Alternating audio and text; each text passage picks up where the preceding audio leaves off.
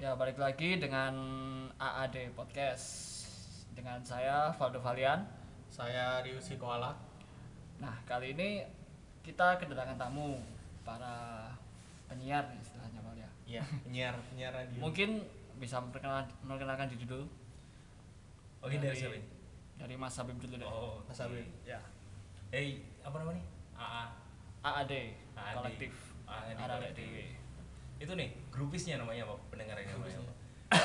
Penonton. Bol- Bolone Adi. Bolone Adi. Bolanya.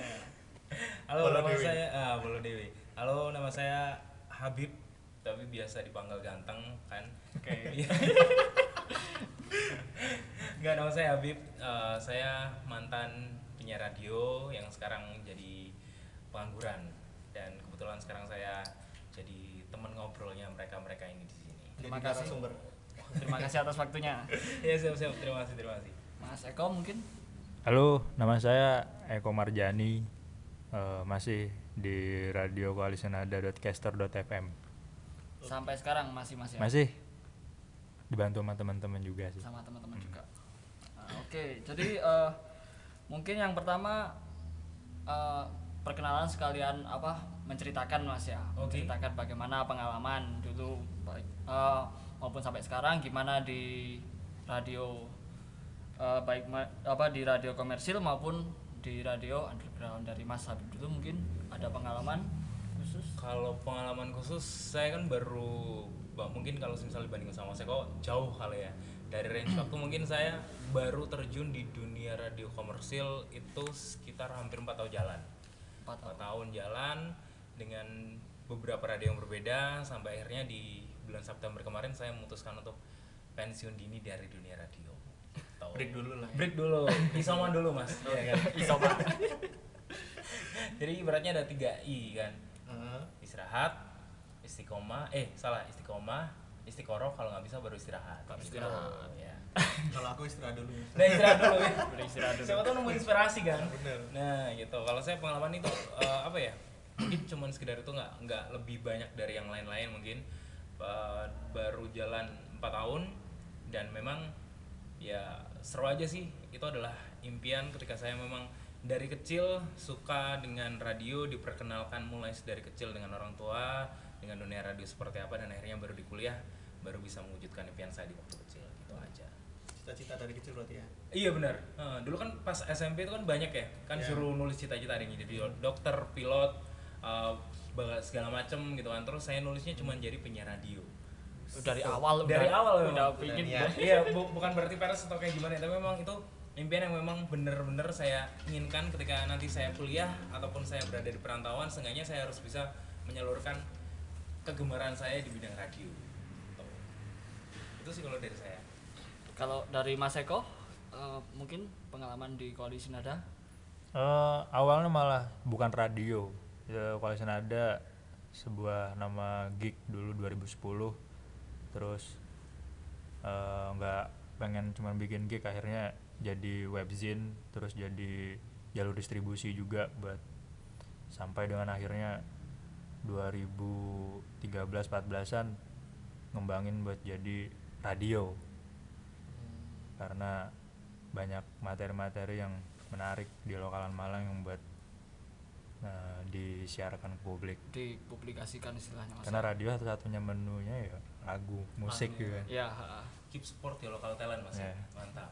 berarti awal dulu masih eh, belum ada niatan Mas ya buat jalan ke situ ya. aku malah dulu ada di kolektif satu lagi dulu ada di kanal 30 nah kanal 30 tuh memang awalnya dia langsung bikin radio online 2011 terus memang lagi ramenya ingat banget dulu zaman 2011 2012 tuh banyak banget radio-radio online menjamur net the, diiringi juga banyak yang bikin net label sampai sering berjalannya waktu pada tumbang satu-satu tuh sangat disayangkan Eh, mulai pada hilang Mas ya. ya Kalau eh, dari eh, setelah beberapa tahun berkarir istilahnya Mas ya, ada nggak sih pengalaman menarik gitu yang pernah Mas Eko temui? Ya, selalu menarik sih, terutama ketika mengundang band-band yang menarik materinya karena memang band itu habis merilis album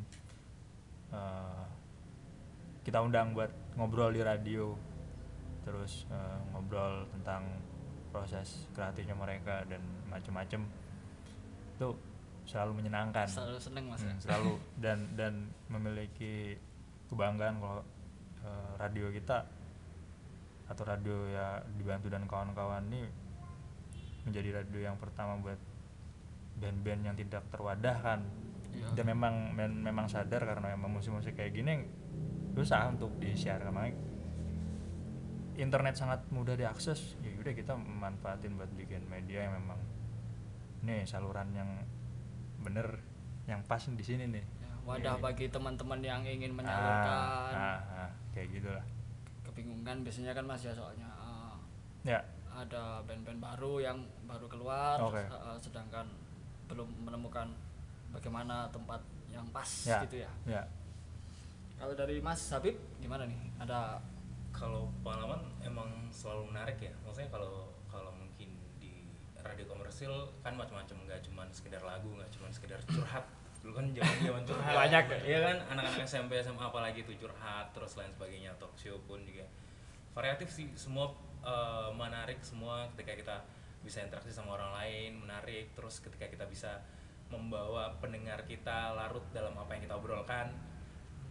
Apa ya, itu jadi satu prestis dan ketika kita bisa kayak persuasif orang sehingga dia bisa tetap stuck dengan apa yang eh, bukan stuck ibaratnya flow dengan apa yang kita obrolkan itu apa ya pengalaman yang sangat-sangat menarik sih. Nggak cuma buat pendengar terus juga buat narasumber ya terus juga kalau menurut saya radio itu sumber segala pengalaman dan pintu buat kalau semisal uh, anak-anak muda ataupun siapa pun itu yang pengen terjun di dunia entertainment gitu kalau menurut saya dulu pikiran saya Jadi pintu pertama untuk terjun di dunia entertainment kayak gitu. iya entertain entertain Entertain. Belajarnya di radio dulu kayak gitu gitu. uh, pintu sih kalau menurut saya gitu jadi untuk pengembangan diri itu Nah, enak mas ya pengembangan diri enak kalau misal nanti mau larinya ke mana maksudnya komersil ya Ah. ketika kamu pengen fokusnya di MC mungkin ada jalan di radio ketika kamu pengen jadi host atau jadi apa pun itu yang memang berkecimpung di dunia entertain radio itu apa ya pintu dan juga batu pijakan yang mungkin bisa kalian lalui nanti gitu. Oke. Nah, kalau dari eh, pandangan secara luas definisi dari radio sendiri itu dari Mas Eko mungkin ya eh, radio apa namanya memang salah satu media yang kalau aku pribadi eh, dulu apa pernah juga di radio komersial dan memang ada space memang buat nyusup apa eh, buat bikin program yang memang khusus buat muterin lagu-lagu yang memang gak bisa diputar di prime time. Ya jadi di di waktu-waktu tertentu.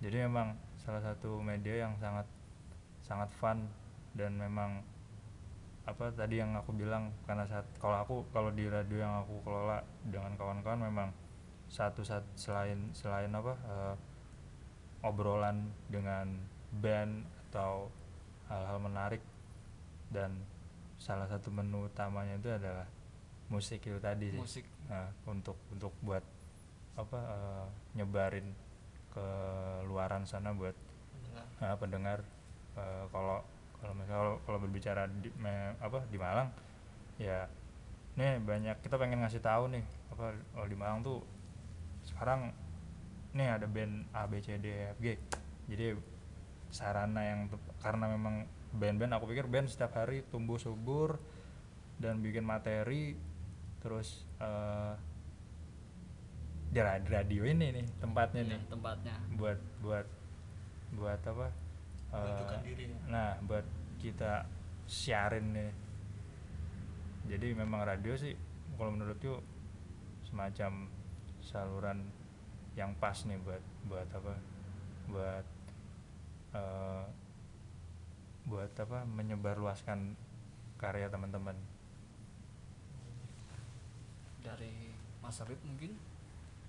Kalau dari saya, kalau menurut saya radio secara se- sekacamata saya ya, Ya, saya kalau kacamata. misal luas mungkin masih banyak banyak hal yang berbeda mungkin dari kita orang. Kalau misalnya dari kacamata saya sendiri, radio itu media antisosial yang mensosial jadi kalau kalau zaman sekarang kan Oke. anak-anak eh, terpakunya eh, media sosial itu adalah media yang malah cenderung untuk menjadikan seseorang jadi antisosial contohnya mungkin Instagram, YouTube dan lain sebagainya mereka lebih asik untuk menghabiskan waktu di sana daripada untuk bersosialisasi sama teman-teman di Ya, ya, sama halnya seperti itu tapi radio ini seperti yang saya bilang di awal media yang antisosial tapi mensosialkan. Jadi ketika saya pengen pengen uh, pengen menghabiskan waktu sendiri tanpa harus bersosialisasi sama orang tapi saya tetap berinteraksi sama orang lain lewat radio. Jadi ibaratnya kita bisa dengerin lagu kita bisa dengerin orang ngomong segala macem tapi kita tetap bisa interaksi secara nggak langsung. Mungkin request lagu bahkan curhat dan lain sebagainya. Ibaratnya itu adalah media yang eh, jadi juntrungan ketika kita ketika sendiri tapi kita serasa nggak sendiri gitu. kalau menurut saya seperti itu. Maksudnya dari basicnya kacamata saya sebagai seorang penikmat radio itu seperti apa gitu. Lagian juga kalau di radio kan lebih enak mas ya interaksi. Nah, interaksinya. Apalagi pas zaman-zaman dulu yang yang membuat saya interest buat terjun ke dunia radio adalah dengerin orang curhat curhat gitu kan. Pas. SMP SMP kan seru banget kan. Iya, iya, iya. curhat habis itu kita bisa kirim-kirim lagu, kirim-kirim salam. Waduh. Itu ibaratnya kayak kita senang-senang sendiri gitu loh. Apalagi di zaman yang semakin canggih, kita terpaku sama teknologi yang semakin maju, otomatis radio juga masih semakin terkalahkan dong. Banyak platform Iya. digital yang menyediakan musik, terus juga mungkin uh, kayak YouTube, terus habis itu SoundCloud yang memang kamu bisa dengerin siaran radio tanpa harus muter radio. Tapi kayak esensinya ketika kita dengerin radio yang benar-benar konvensional itu beda. Beda rasanya. ya. Gitu. Itu sih kalau menurut pandangan saya radio itu wahana yang seperti itu. Mulai dari dulu sampai mungkin sekarang dengan kecanggihan dan kemajuan teknologi yang ada. Gitu. Gimana pak pengalamanmu dalam dulu mendengarkan radio? Kalau aku dulu sih SMP itu mendengarkan apa radio di rumah ya. Eh, Pakai AP terus pakai apa namanya? Headset, Headset. buat Headset. antenanya. Iya. nah, iya iya benar benar benar. benar. Pada zaman itu dengerin radio tuh masih fun soalnya pada waktu itu TV masih apa namanya? Aku lihat TV itu cuma lihat kartun aja gitu loh. Oh iya iya iya. Terus lihat beri, mendengarkan berita yang ada di Malang, terus dengerin lagu-lagu baru itu dari Lagu radio. baru. Kalau sekarang kayaknya dengerin radio itu paling cuma di mobil aja. Ya enggak? Iya iya, iya sih. Eh, mungkin karena nggak ada lagunya ya. ya karena nggak ada kasetnya, nggak ada auxnya, jadi dengernya radio kayak gitu. Tapi eh, maksudnya seru gitu kan. Kita dulu eh, baik dari niatan awalnya ingin cari lagu atau mungkin sekedar refreshing itu dari radio semua kan. Iya benar. Wadahnya itu. Eh, aku dulu tempat eh teman buat belajar. Jadi aku belajar sambil dengerin radio kayak gitu. Tapi lama-lama malah belajarnya nggak nggak tak pegang dengerin radio aja sambil leye-leye. Tapi dulu radio itu juga bisa jadi jeda ajang buat cari jodoh loh. Kan Oh iya ada. misal kalau ada yang curhat terus habis itu kirim-kirim salam. Kirim kan biasanya salam. ada beberapa radio yang memang eh, ma- apa ya menyampaikan nomor teleponnya terus kayak misal Hmm. namanya siapa dan segala macam. Itu kan jadi waduh seru nih siapa nih gitu. Ah, Kalau iya. kalau saya zaman-zaman SMP pasti kota saya kayak gitu. Jadi kita cari peruntungan lewat kan biasanya kalau misal curhat apalagi suara-suara cewek kan kita kan nggak pernah tahu tuh Iya. suara cewek yang indah terus bentuk rupanya seperti apa Jadi penasaran. Nah, penasaran loh akhirnya waduh asik nih kalau bisa Iya. kenalan gitu sih bonus-bonusnya kayak gitu dulu Kalau Mas Eko dulu dengerin radio pertama seneng band-band nyari band Mas ya. ya karena memang ya itu balik lagi menu utama radio ya musik itu kan Lebih kepada musiknya Nah, ya. musik banyak dikenalkan dengan melalui radio banyak jadi tahu dan dan mungkin aku yakin radio kalau di radio frekuensi masih sampai dengan hari ini masih banyak kok yang dengar dengerin kan Iya masih banyak. di mobil atau di mana atau juga radio frekuensi juga melengkapi dengan fasilitas Streaming. streaming Nah, ini kan tadi Mas Habib dari pengalaman punya pengalaman ya istilahnya dari radio komersil. Mungkin bisa cerita sedikit Mas, eh, gimana sih sistem kerja di radio komersil itu? Oke, kalau sistem kerja itu kan memang kalau di beberapa radio yang sudah saya geluti kemarin itu kan mayoritas yang siaran di sana adalah anak mahasiswa. Otomatis mereka masih berkutat sama yang namanya jadwal kuliah terus juga kesibukan masing-masing di luar kampus ataupun di kalau eh, tadi jadwal ya? Jadwal kerja. Eh, ya mungkin pada sistemnya. Oh, sistemnya. Iya. sistemnya dulu jadi beda-beda sih. Kalau radio saya yang terakhir itu uh, satu penyiar itu bisa megang beberapa program tergantung dari kapabilitasnya si penyiar itu sendiri. Misal uh, ada yang masuk di program prime time yang memang khusus buat lagu-lagu baru terus juga interaksi sama band-band baru artis-artis baru dan lain sebagainya. Terus juga ada yang spesialisasinya uh, dia bisa membuat orang larut dalam obrolannya mungkin dicurhat curhat Hmm, curhat-curhat. Terus habis itu memang uh, ada yang khusus kalau di radio saya yang terakhir itu ada ranah khusus buat uh, musik-musik lokal, musik-musik independen yang memang ingin lebih uh, karyanya bisa kita dengarkan bersama. Itu tergantung spesialisasi masing-masing. Terus juga apa ya macam-macam sih kalau misal sistem kerja tergantung dari penyiar kalau jadwalnya juga itu menyesuaikan dengan kesibukan masing-masing gitu. Dan penyiar itu juga nggak menutup kemungkinan untuk ngisi beberapa pos selain penyiar ya. Maksudnya kan kalau di radio itu ada yang tukang godok ide namanya kreatif. Kreatif. Terus juga ada yang eh, itu tukang untuk ya tukang untuk namanya mengaplikasikan apa yang sudah dipikirkan sama kreatif. Itu namanya produksi. Produksi itu eh, keluarannya bisa di dalam maksudnya di dalam itu buat khusus program ada namanya insert itu kayak kayak semacam ya efek-efek suara yang ditambah-tambahkan buat menunjang suatu program terus kalau misal produksi itu juga berhubungan sama iklan biasanya kan ada iklan-iklan di radio Iya. ada yang memang Iya. iklan sudah dari suatu brandnya ada yang iklan dibuatkan soal uh, sama, Sama radio. pihak sama radio gitu terus juga ada pokoknya penyiar itu bisa nanti nggak cuman fokus di penyiar tergantung dari kapabilitasnya dia bisa nanti masuk di kreatif produksi uh, music director Oh. program director ada banyak banyak macamnya gitu. Dan sistem kerjanya memang uh, mungkin secara garis besar seperti itu sih gitu. Kalau dari radio komersil yang terakhir saya naungi seperti itu.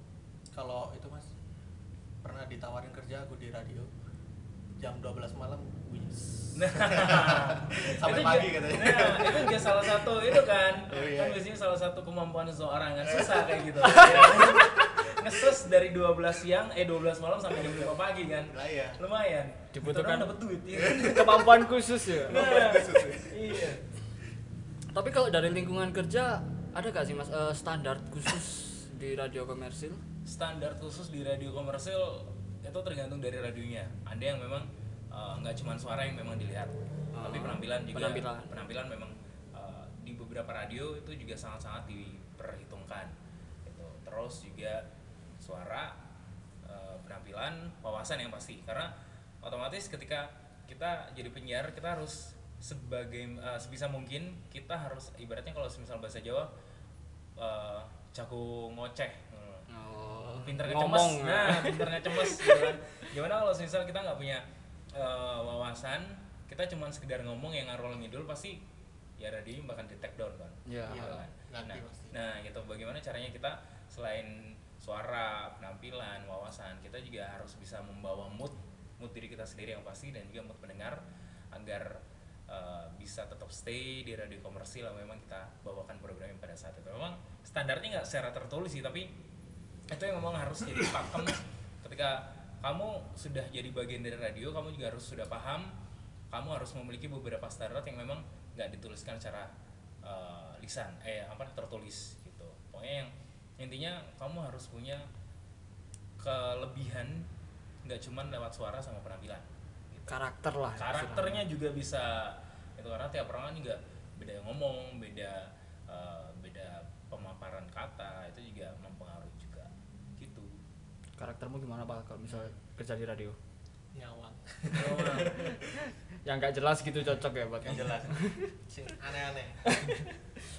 Tapi kan tadi udah dijelasin mas ya kalau misalnya dari produksi banyak macam-macam Nah, iya. ada yang eh, spe- maksudnya eh, beberapa spesifikasi khusus. Hmm. nah kalau dari mas Habib dulu pengalamannya produksi acara nah. seperti apa?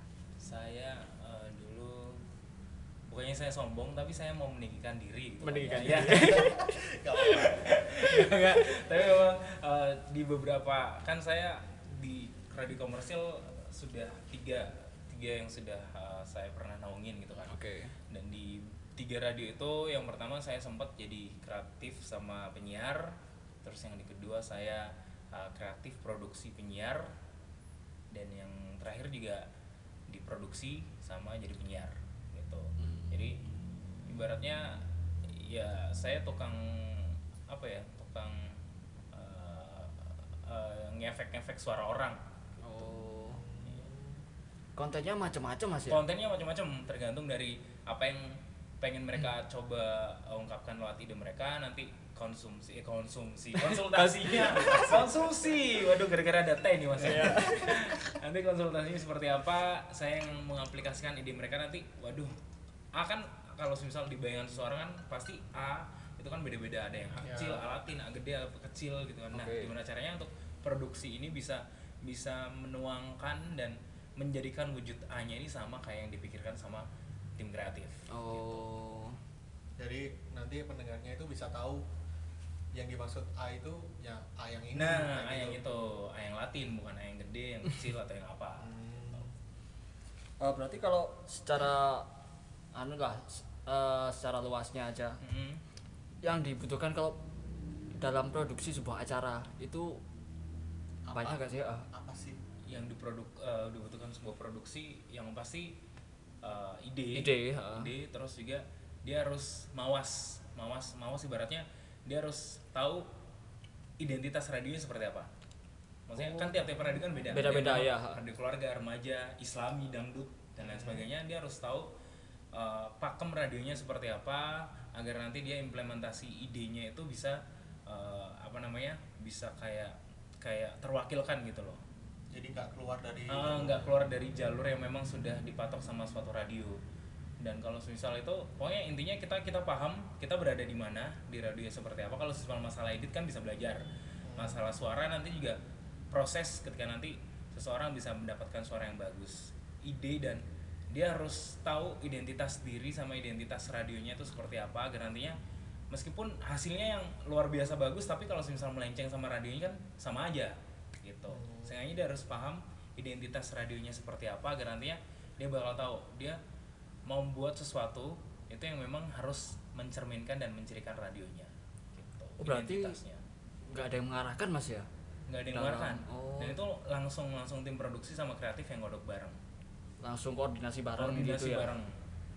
Jadi nanti di apa? Diceknya itu Nah. sama tim ya mereka mereka mereka mereka itu yang nanti terus jalan bareng gitu kalau misal masalah ngedit dan segala macamnya kan itu bisa teratasi sekarang juga media sosial juga banyak yang menawarkan tutorial-tutorial hal seperti Ah, itu banyak. gitu kan terus itu juga butuh proses kan memang tapi yang penting memang identitasnya radio itu mau dibawa seperti apa agar nanti nggak melenceng Dan memang eh, kalau dilihat dari radio komersil kan mungkin lebih apa ketat Mas ya Nah. jadwalnya. Itu gimana?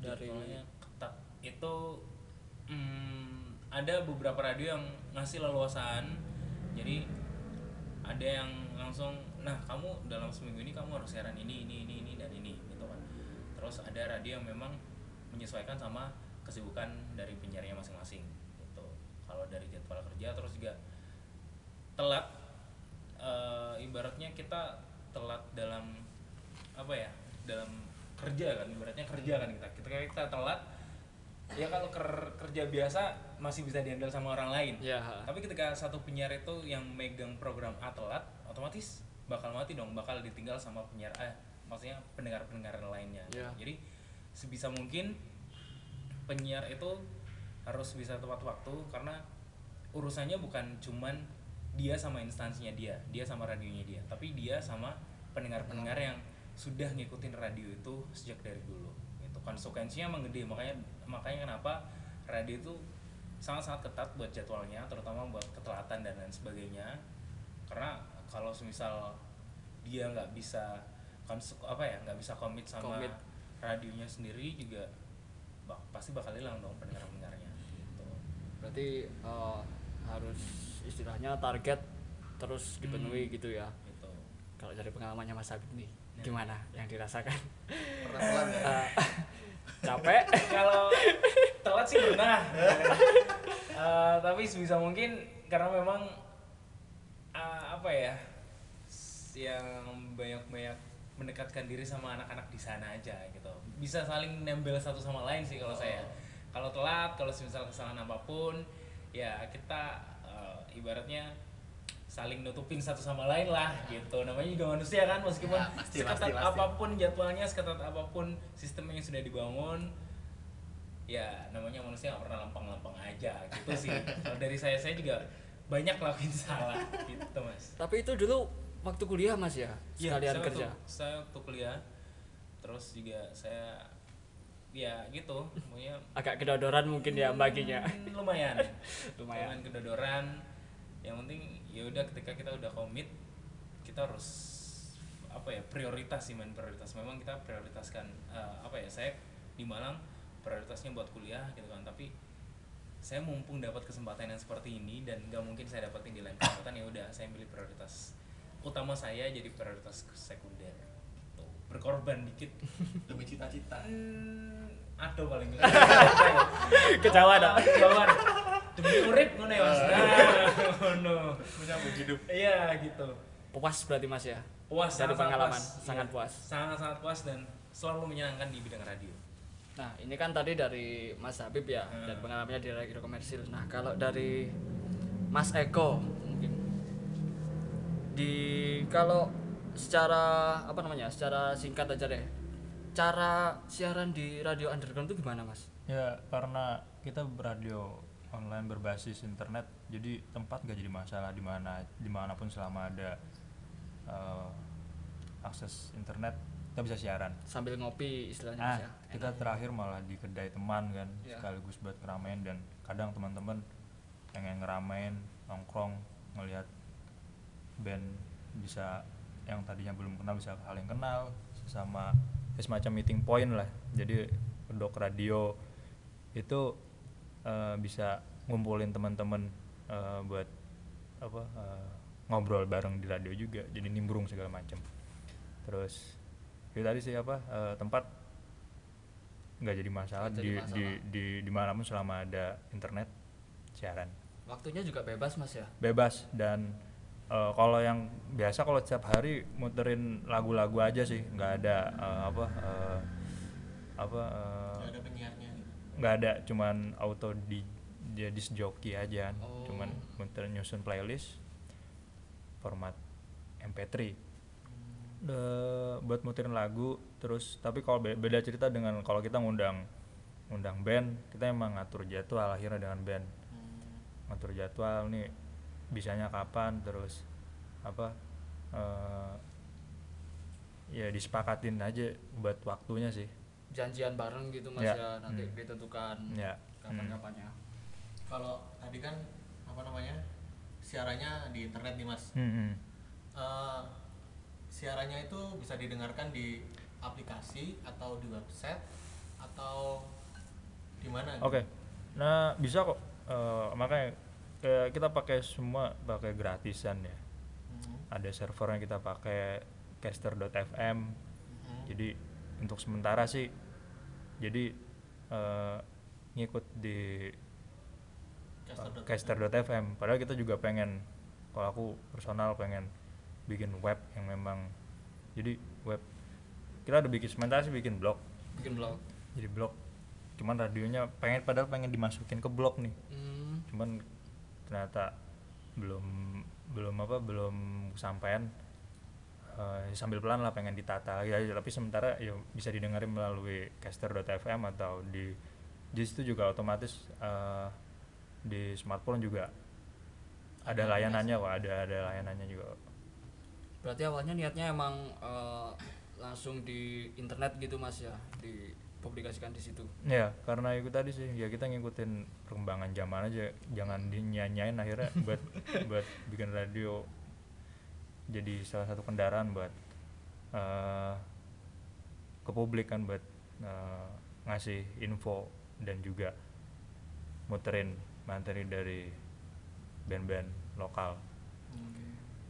Nah eh, kalau misal di radio komersil kan udah sedia semua mas ya Eh, dari alat mungkin atau dari software nah sedangkan kalau mas Eko sendiri gimana mas dari persiapan alatnya itu menyiapkan sendiri Oke, kita jujur sampai sekarang masih kantong sendiri buat ngelengkapin segala sesuatunya.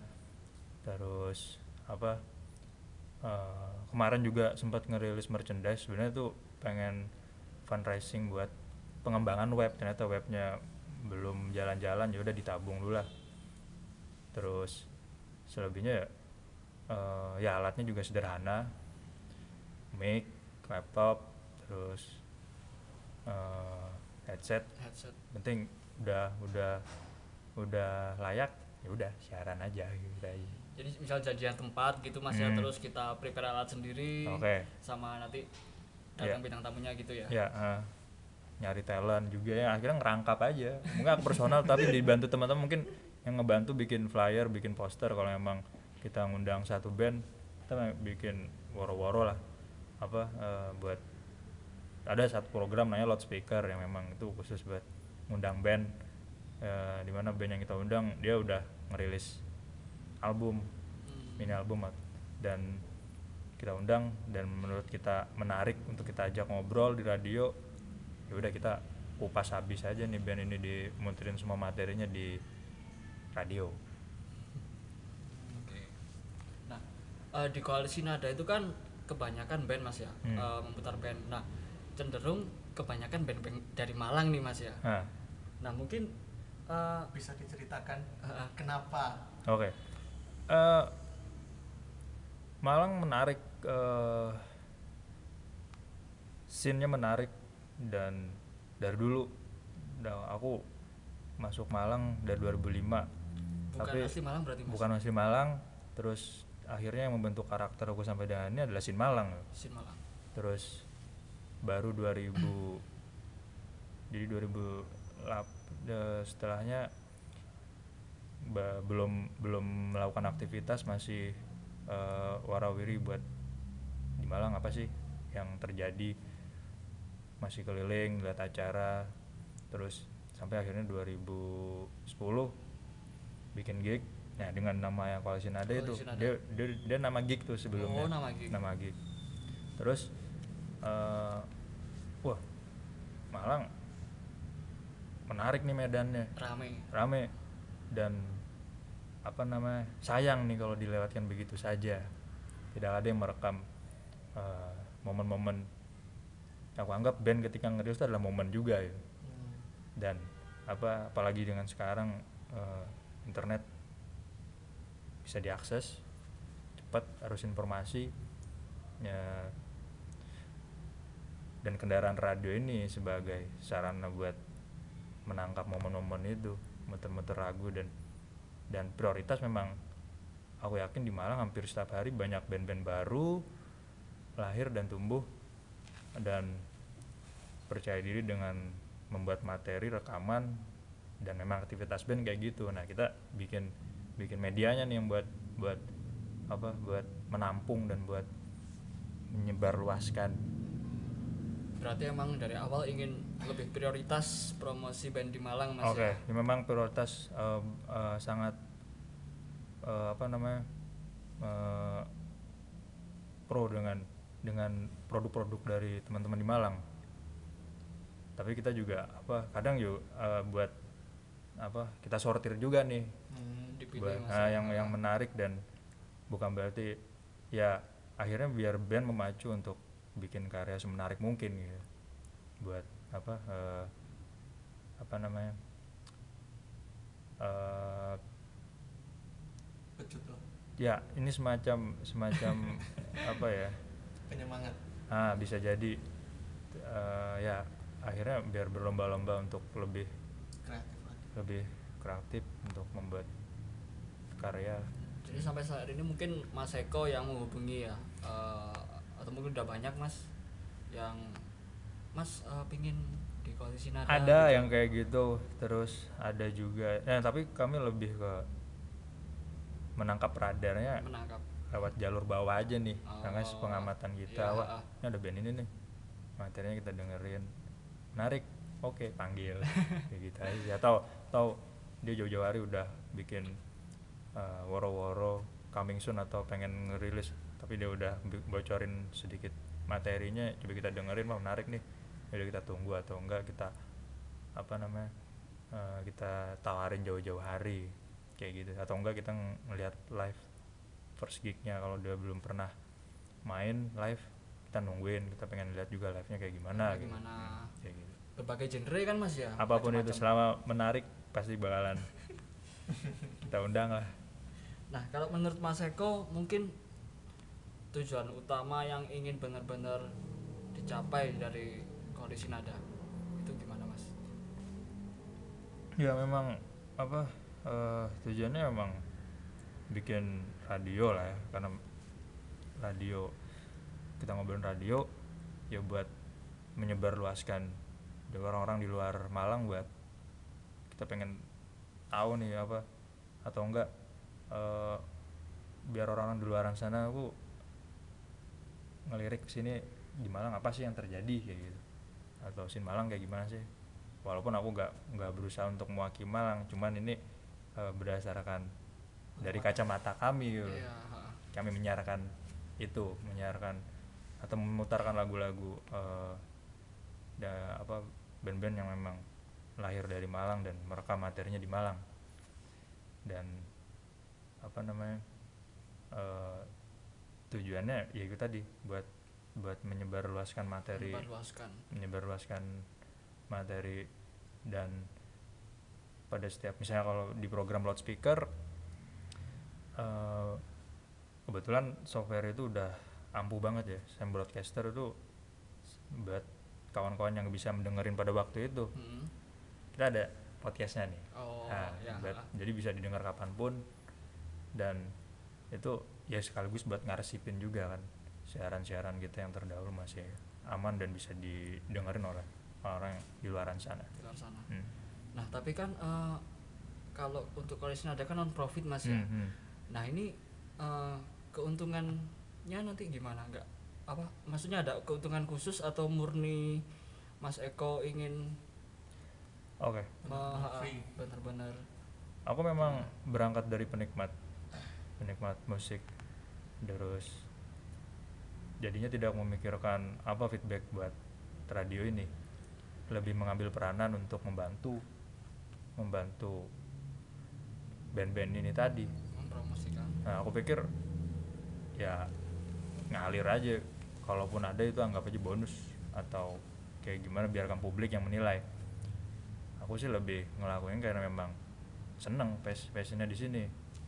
Dan memang dengan segala keamatiran kami kami semampu semampunya buat buat ngelakuin sesuatu buat berkontribusi buat di mana kami atau saya berada. Karena saya kan berada di Malang ya paling enggak kita menggali lebih jauh nih apa yang terjadi di Malang karena bagiku scene ini ke depannya pasti bakal semakin rame. Makin lama makin rame Mas ya. pasti itu kayaknya. Variatif maksudnya Nah, lebih dinamis banyak macam-macam lah. Seru. Yang itu makanya sayang untuk dilewatkan makanya dibikinin acara di radio.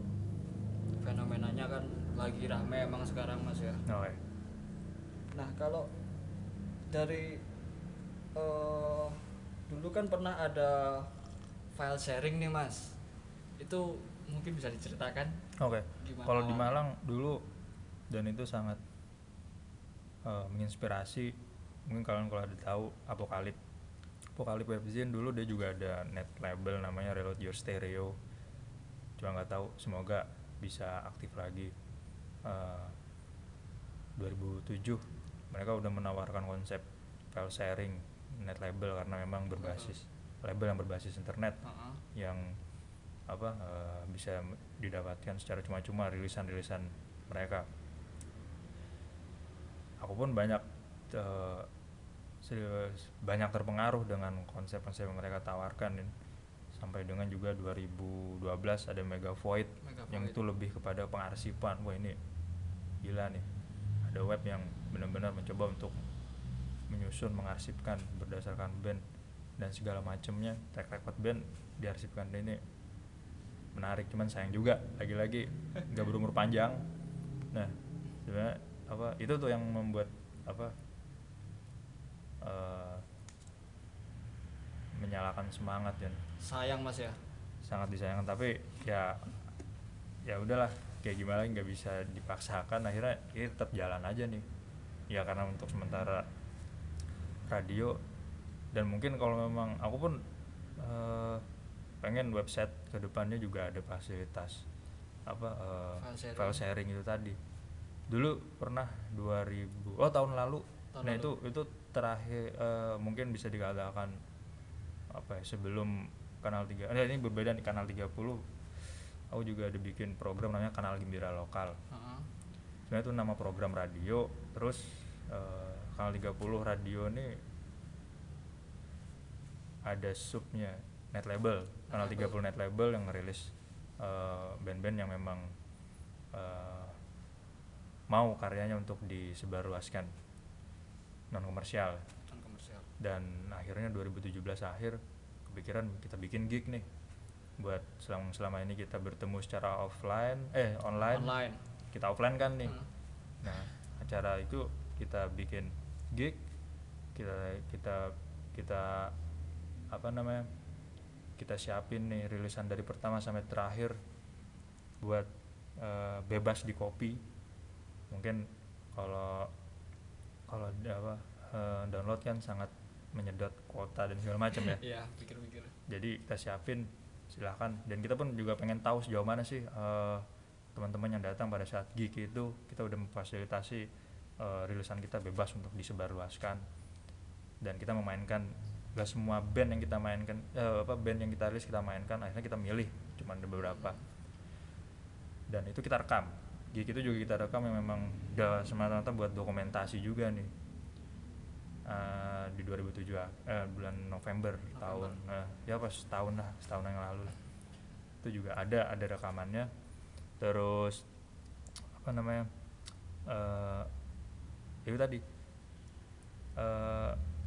ternyata mungkin mungkin konsep konsep itu eh, belum belum familiar atau mungkin eh, kurang cocok atau kayak gimana. Tapi kalau saya pribadi eh, senang dengan konsep eh, file sharing berbagi file. Atau mungkin mungkin nggak kita juga setiap harinya sering melakukan hal gitu. Atau mungkin misalnya si A punya koleksi apa nih film?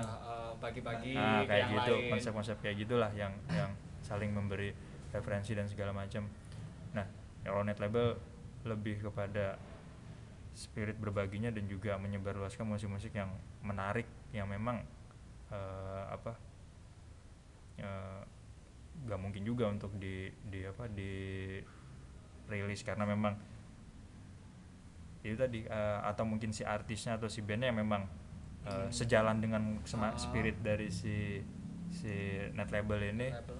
Atau net label itu yang menawarkan untuk memberi tantangan ke band mau kan nih? Ya semacam bisa dibilang sih semacam semacam apa ya? Eh, bisa juga net label ada semacam tester lah. Kalau belum eh, ya kalau apa dengerin dulu lah. Di di di di ini di eh, streaming dulu bisa eh, kalau sebelum membeli produknya misalnya kayak gitu. Kalau suka bisa dibeli nah produknya. kayak gitu. Atau atau aku juga nggak bilang kalau misalnya rilisan fisik ya itu pilihan sih. Atau jalan dua-duanya juga nggak apa-apa kayak gitu. Tapi sekarang udah mulai banyak bermunculan apa namanya NCS Eh, non copyright non copyright song kayak gitu. Di Eh. YouTube di SoundCloud juga udah banyak. Kira-kira kayak kayak gitu tuh sejalan nggak sih sama Nah. yang file sharing ini? Menariknya ada lisensi yang melindungi. Namanya Creative Commons. Mungkin kalau kalian tahu nah itu yang yang membuat net label atau yang melindungi dari karya-karya yang dirilis melalui net label. Creative Commons dengan mungkin ada poinnya di situ ada attribution non komersial dan share like jadi apa eh, karya itu eh, boleh digubah lagi boleh disebarluaskan lagi dengan catatan ton komersial dan mencantumkan sumber dan tinggal dipilih aja poin-poinnya yang mana. Jadi kalau misalnya sama kayak radio ini juga menggunakan apa lisensi Creative Commons kan karena kita muter Ya. juga eh, lebih ke nyebar luasan nggak nggak ada keuntungan sama sekali. Jadi lebih memudahkan lah daripada meminta izin secara personal. Ya. Jadi toh ku- toh kita gak menyalahgunakan untuk penggunaan karya mereka kan. Ah, malah mungkin mereka malah senang kalau buat di sebarluasin Sebarluasin. tapi terutama kalau di radio kalau ada orkester eh, memang yang diputar memang malah memang band-band yang memang apa eh, benar-benar antah berantah gitu. Dan orang mungkin belum terekspos. terekspos memang kayak gitu. Dan memang kalau dilihat dari jumlah listenernya sendiri memang kecil. Ya itu pada akhirnya kita pengen tahu nih sejauh mana sih. Tapi kalau aku eh, bukan itu tolak ukurnya. Ya udah lebih kepada kekonsistenan untuk menjalankan radio ini. Karena kita sudah sa- aku sadar memang ini kecil. Nggak ada apa-apa ya. Atau cuma itu tadi apa yang membuat memotivasi ya memang karena senang dan itu semacam penyulut lah. Sampai semangatnya hilang. Ah menjaga apinya kayak gitu. Nah, tapi dengar-dengar Mas Eko ini merupakan salah satu penyelenggara acara semburat, Mas ya. ya Nah, itu mungkin bisa cerita Mas eh, gimana terus apa ke depannya ada acara semburat yang lainnya? oke Temburat sudah jalan yang ketiga nah besok bulan depan mau ada lagi nih yang keempat Mau ada lagi? konsepnya memang pengennya setahun sekali ada gelaran itu dengan memainkan nama-nama baru eh, dengan produknya berupa kaset kompilasi dan juga ada terbitan fanzine. Itu memang udah jadi satu paket ya. Jadi gelaran semburat tuh kayak semacam panggilan nih buat Band-band. ah, mungkin dari setahun terakhir nih ada nama-nama baru apa aja nih buat kita dokumentasikan ke dalam bentuk kompilasi. Eh, jadi jadi gig itu lebih mungkin lebih sehat ada produknya berupa rekaman dan dikemas lah intinya ada ada ada produknya berupa rilisan dan juga kita menulis untuk eh, apa medianya melalui fanzine yang akhirnya apa semacam eh, semburat gig ini semacam itu tadi apa eh, alarm lah buat Alarm. buat genjot lagi nih buat produksi buat nulis buat Macam-macam. mau nyari band nah, buat di di apa di show up no, ke publik nih Iya. Terus berarti apa aja sih Mas eh, band-band yang istilahnya alumnus dari acara semburat? semburat? Oke, kalau yang di pertama tuh ada Prongs, ada Jenar, terus apa? Semua nih disebutin nih. Eh, mungkin sekilas. Ya, Oke. Ha, beberapa Ya aja. ini aja yang yang terakhir dari Yang terakhir. Semberat tiga ya. Semburat tiga. Semberat tiga tuh dulu ada Ultraviolence, terus ada Lons. Cuman memang pada akhirnya sebenarnya kita menangkap yang ganjil-ganjil sih. Ganjil maksudnya dalam musik yang mereka tawarkan. Terus apa? eh, dan kadang ngelihat ngelihat aktivitas band. Oh ternyata mereka aktif nih dan menawarkan musiknya menarik. Akhirnya kita ajak buat makanya kita eh, nggak bikin open submission atau bikin woro-woro Ah, cari band gitu Cari ya, eh, lebih ke kita nangkap radarnya ngelihat wah ini ada band apa aja sih. Atau datang ke sebuah acara wah nih bandnya menarik nih nih, nih, nih, udah kita petain. Yaudah kita eh, meeting nih buat buat mutusin akhirnya buat ini ada band ini ini, ini. yaudah kita panggil buat kita jelasin deh konsep semburat dari semburat tiga lah Semburat itu tiga. eh, akhirnya memaksa band untuk membuat satu materi baru yang memang belum pernah dirilis sebelumnya dan untuk Oh, dikompilasikan. Langsung benar-benar buat acara semburat tiga itu Ya, akhirnya mereka kita tantang untuk bikin satu materi yang memang jadi itu sebenarnya juga buat si band juga jadi gig semberatnya buat si band ya. Memacu. Ah, maju ah. dan bisa menambah daftar diskografi mereka. Kalau misalnya ternyata lagu yang ada di kompilasi itu cuma ada di situ aja. Ya, jadi tapi kalau memang lagu itu pengen dibuat di album mereka atau mini album silahkan gak jadi masalah.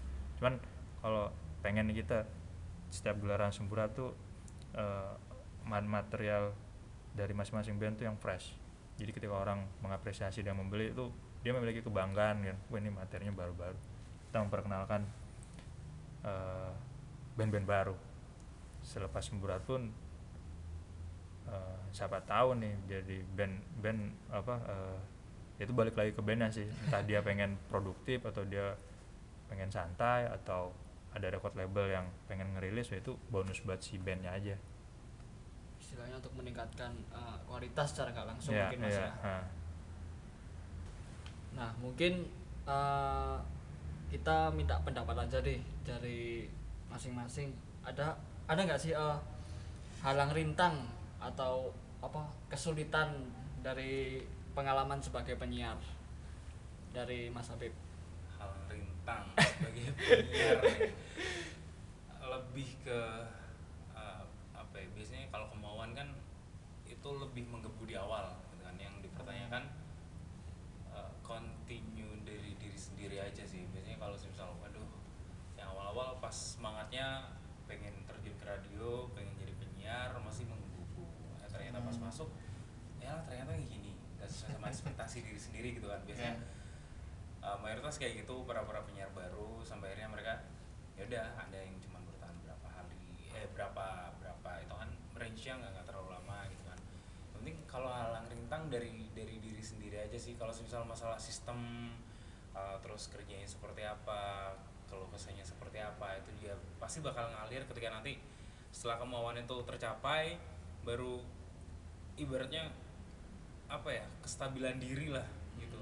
Ketika kamu pengen su- sudah mendapatkan apa yang kamu mau gimana caranya kamu harus tetap jaga yang sudah kamu dapatkan gitu. Berarti lah misalnya kita udah udah ngincer cewek dari lama dari lama. eh pas itu kok ini yo Aduh, kok di sini aja kan gak enak Gimana, gimana caranya kita harus tetap uh, bisa nganding sama cewek yang udah jadi target kita dari awal? Tetap teguh. Tetap teguh gitu kan.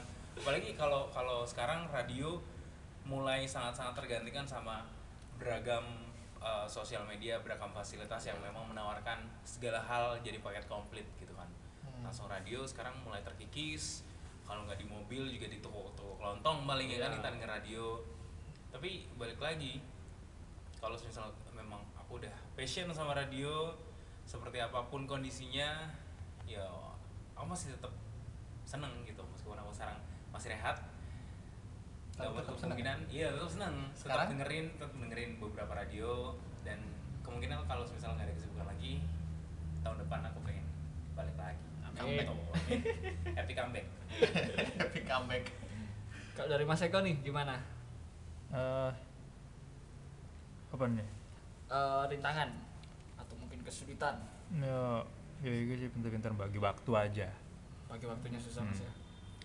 Terus apa aku juga nggak tahu bakalan sampai kapan yang pasti udah di apa selama ada waktu selama itu juga eh, sebisa mungkin buat buat apa buat radio ini hidup Karena Karena- ada kesempatan gitu. Nah, karena memang apa? eh, aku pikir dalam hal apa pun membuat sesuatu pasti gampang.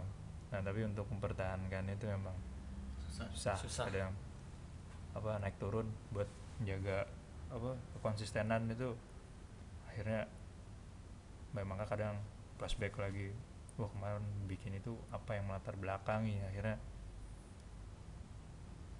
itu yang oh males nih langsung yang mecut tuh kayak gitu oh jangan Penyemangatnya ya, istilahnya, Bang. kayak gitu konsisten maksudnya Nah, em, kalau dari rencana ke depannya buat Mas Habib denger-denger kan bikin ingin bikin podcast sendiri nih. nah Nah, iya itu, itu, mungkin cerita gimana?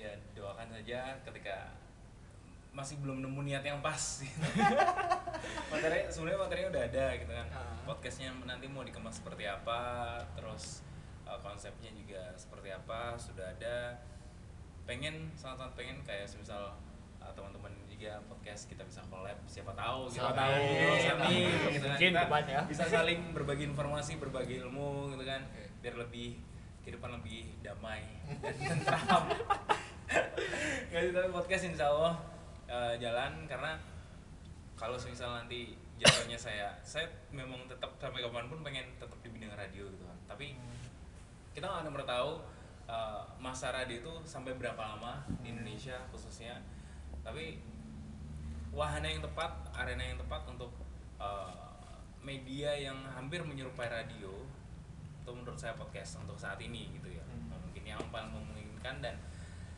saya masih pengen sangat-sangat pengen di radio maka dari itu saya harus bisa menyalurkan podcast saya di akhir tahun dan ya semoga bisa niatnya sudah terkumpul kemauannya bener kata Mas Eko ketika kita membuat sesuatu itu gampang tapi konsistensi diri itu yang Konsistensi. susah.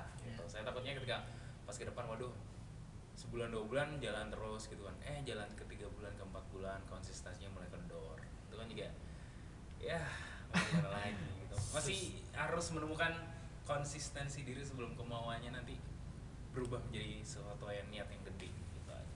Masih on progress. nah on progress ya on progress buat buat saya sendiri juga sih mas. Ini udah berjalan segini harus tetap semangat nih nah itu mas. Konsisten terus ya. konsisten terus. Mas terus Roman. Kalau dari Mas Eko rencana ke depan untuk kondisi nada? eh ya tadi sih pengen bangun web biar satu web itu ada radio ada net label ya udah di tertata rapi lah. Pengen kayak gitu. Terus pengen juga ketika datang ke gig pengen rekam live gig itu. Walaupun nggak bisa di live streaming kan karena biasanya kebanyakan gig nggak ada fasilitas dan rada ribet. Mungkin bisa direkam aja dulu ntar buat bisa di sharein tapi kayaknya memang kurang efektif juga kayaknya memang sebuah pertunjukan musik memang harus datang sih kalau pengen Iya. kalau buat dengerin secara audio mungkin Kurang, dapat feel-nya Mas ya. akhirnya kalau kalau kalau didengar berarti cuma muterin lagunya aja ma- masing-masing band atau terus pengen juga eh, banyak sih keinginan cuman pasti bakal masih ribet eh, teknis dan segala macamnya pengen juga tuh yang siaran radio tapi di dalam studio, Studio. bareng bandnya yang bisa main ngikutin bandnya latihan kayak gitu. Tapi itu pasti bakalan ribet juga. Pelan-pelan Mas ya. Akhir, akhirnya kita aku sih ngelakuin pasti yang sederhana dan memang pasti bakalan bisa ya mending itu aja dulu di di apa di pertahanin lah. Ya kayak siaran kayak gitu gitu karena itu karena mudah gak terlalu ribet.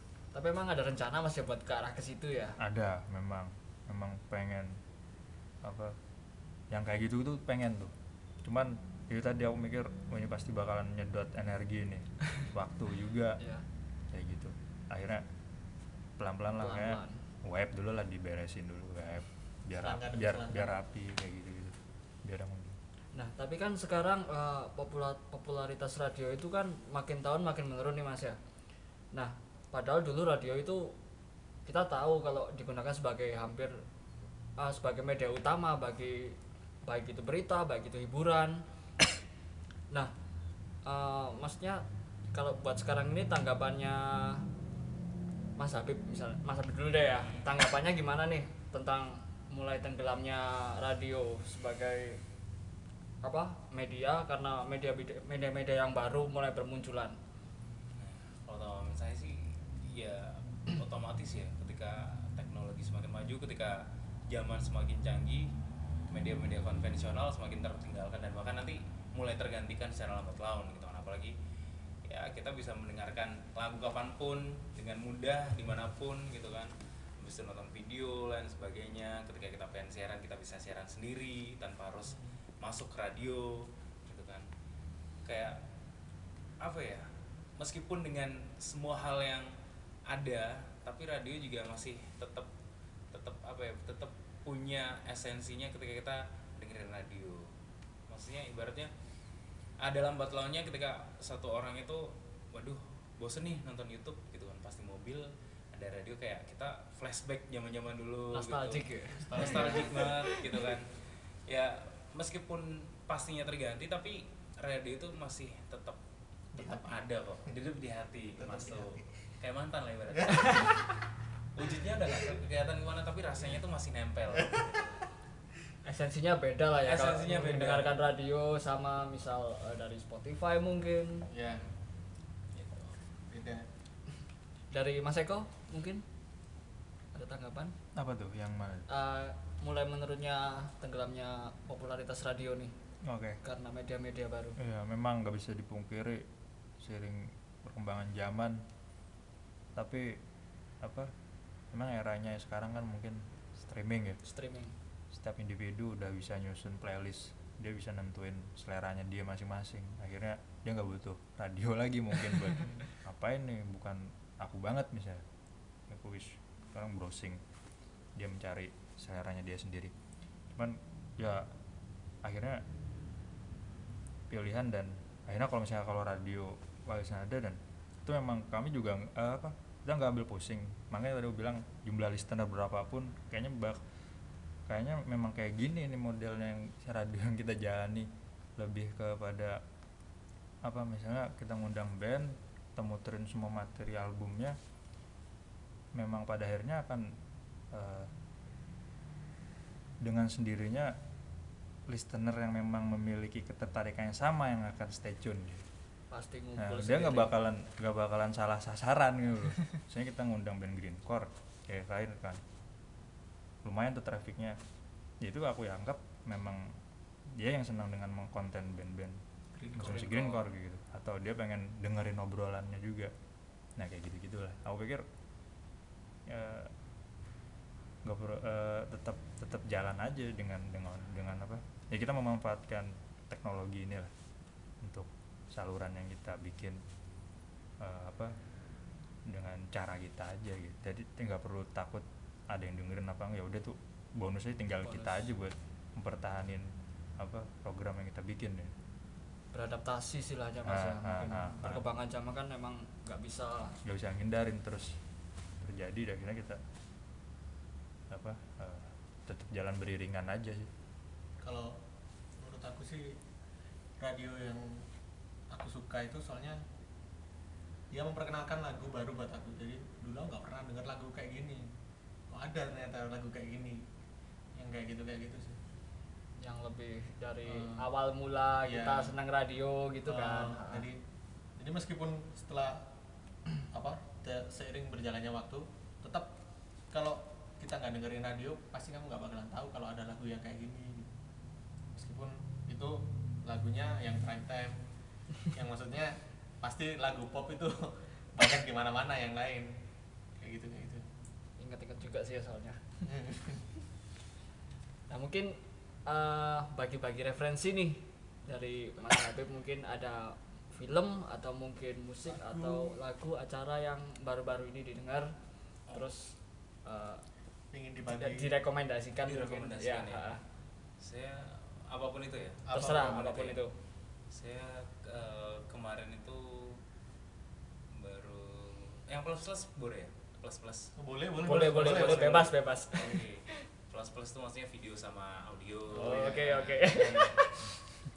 Sayang sekali. Kecewa. Agak kecewa sih. Apa ya saya eh, kemarin eh, a- akhir-akhir ini seneng dengerin musik musiknya scholar.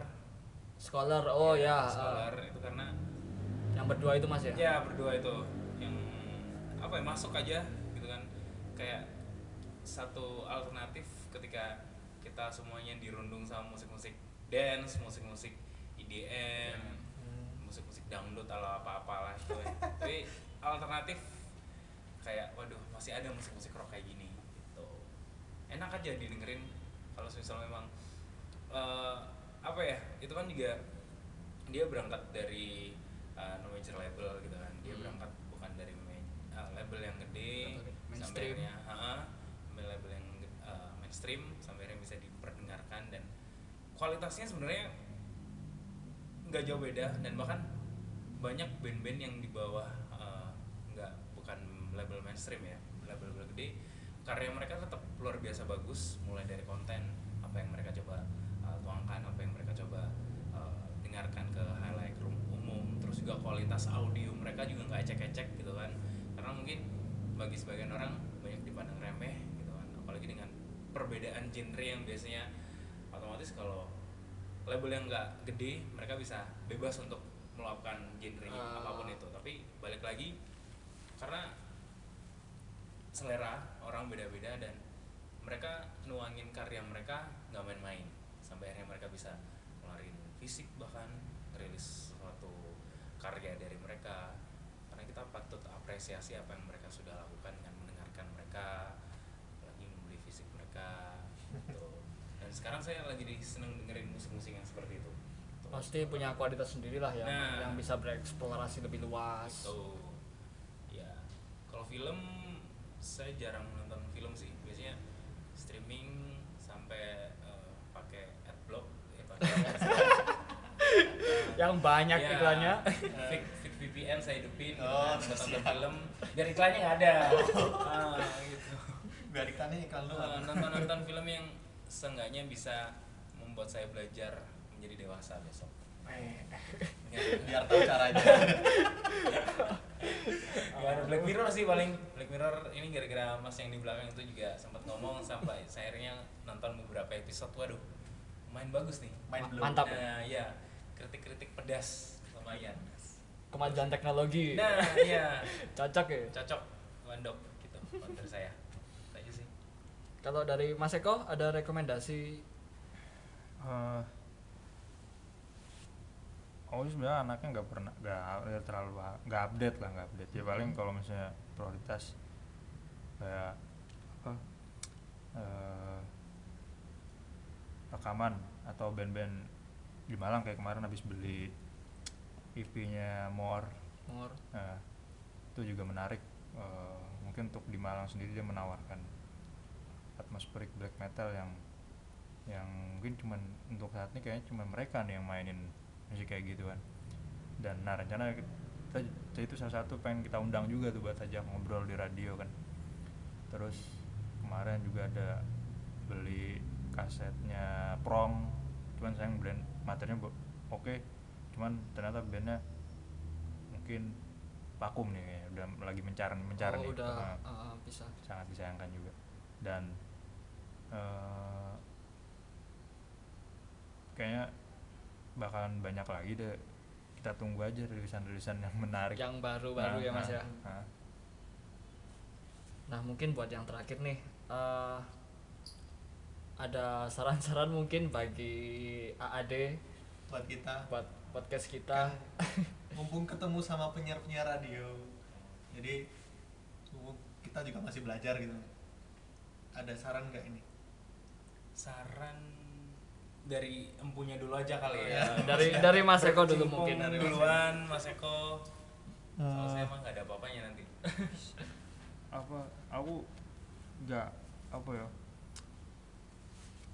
Ketika ke masukan atau apa kayak gitu-gitu Hmm.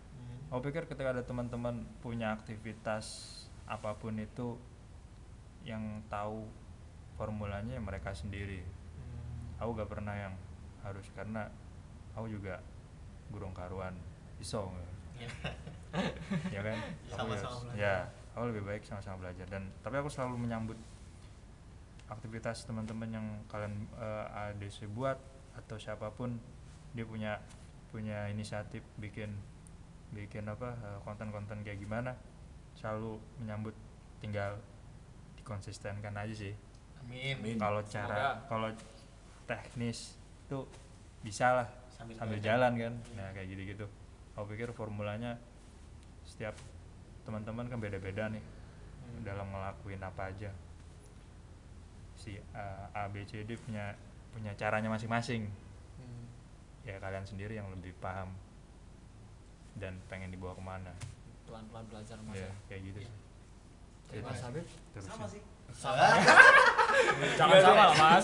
Soalnya kan aku juga uh, belum belum seberani kalian belum uh, tekadnya belum sekuat kalian sampai akhirnya kalian bisa langsung terjun di dunia podcast gitu kan mungkin kalau ngomong basic dan lain sebagainya dengan dengan basic yang kalian punya akhirnya kalian bisa mengeluarkan satu karya itu salah satu pelecut yang sangat sangat luar biasa gitu kan yang penting apa ya konsistensi dan biasanya kalau kalau partner kan uh, ada banyak kepala ada banyak ide Ya. otomatis gesekan-gesekan itu kan sering-sering banget terjadi. Wajar.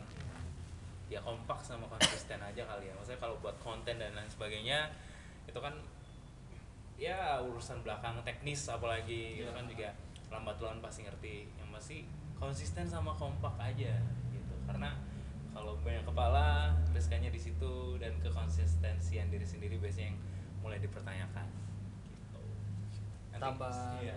lagi mungkin kesan-kesan kesan-kesan menarik nyantai dan membuat saya terpecut buat membuat hal yang sama Semangat, gitu kan. semakin semangat. semakin semangat ya siapa tahu nanti ke depannya kita bisa collab Amin. Amin. ya kesan kesannya luar biasa loh pokoknya dengan dengan segala hal yang uh, apa ya berarti keterbatasan tapi seenggaknya itu bukan suatu masalah yang membuat AA di C. C A si A di C nggak apa ya nggak nggak urung buat berkarya Amin. Terima kasih Mas. motivasi sih kesan-kesannya Mas Eko ya wis jalan terus aja wis dengan segala keterbatasan dengan alat dengan alat yang ada cuek aja wis Mana. Siap. sama kayak kok. radio juga kayak gitu alat yang ada pede aja tetap pede hmm. Terima kasih Mas Habib. Siap. Terima kasih Mas Eko Oke. terima kasih Sama-sama. waktunya sudah bersedia hadir di sini meskipun kita seadanya. Terus terima kasih juga buat The Bros Coffee and Working Space yang sudah menyediakan tempat buat kita yang berada di Jalan Buring nomor 1A kalau nggak salah. Nanti link link Google Map-nya eh link Google map. Mapnya. Link Google Mapnya kita taruh di bawah aja oke? Dadah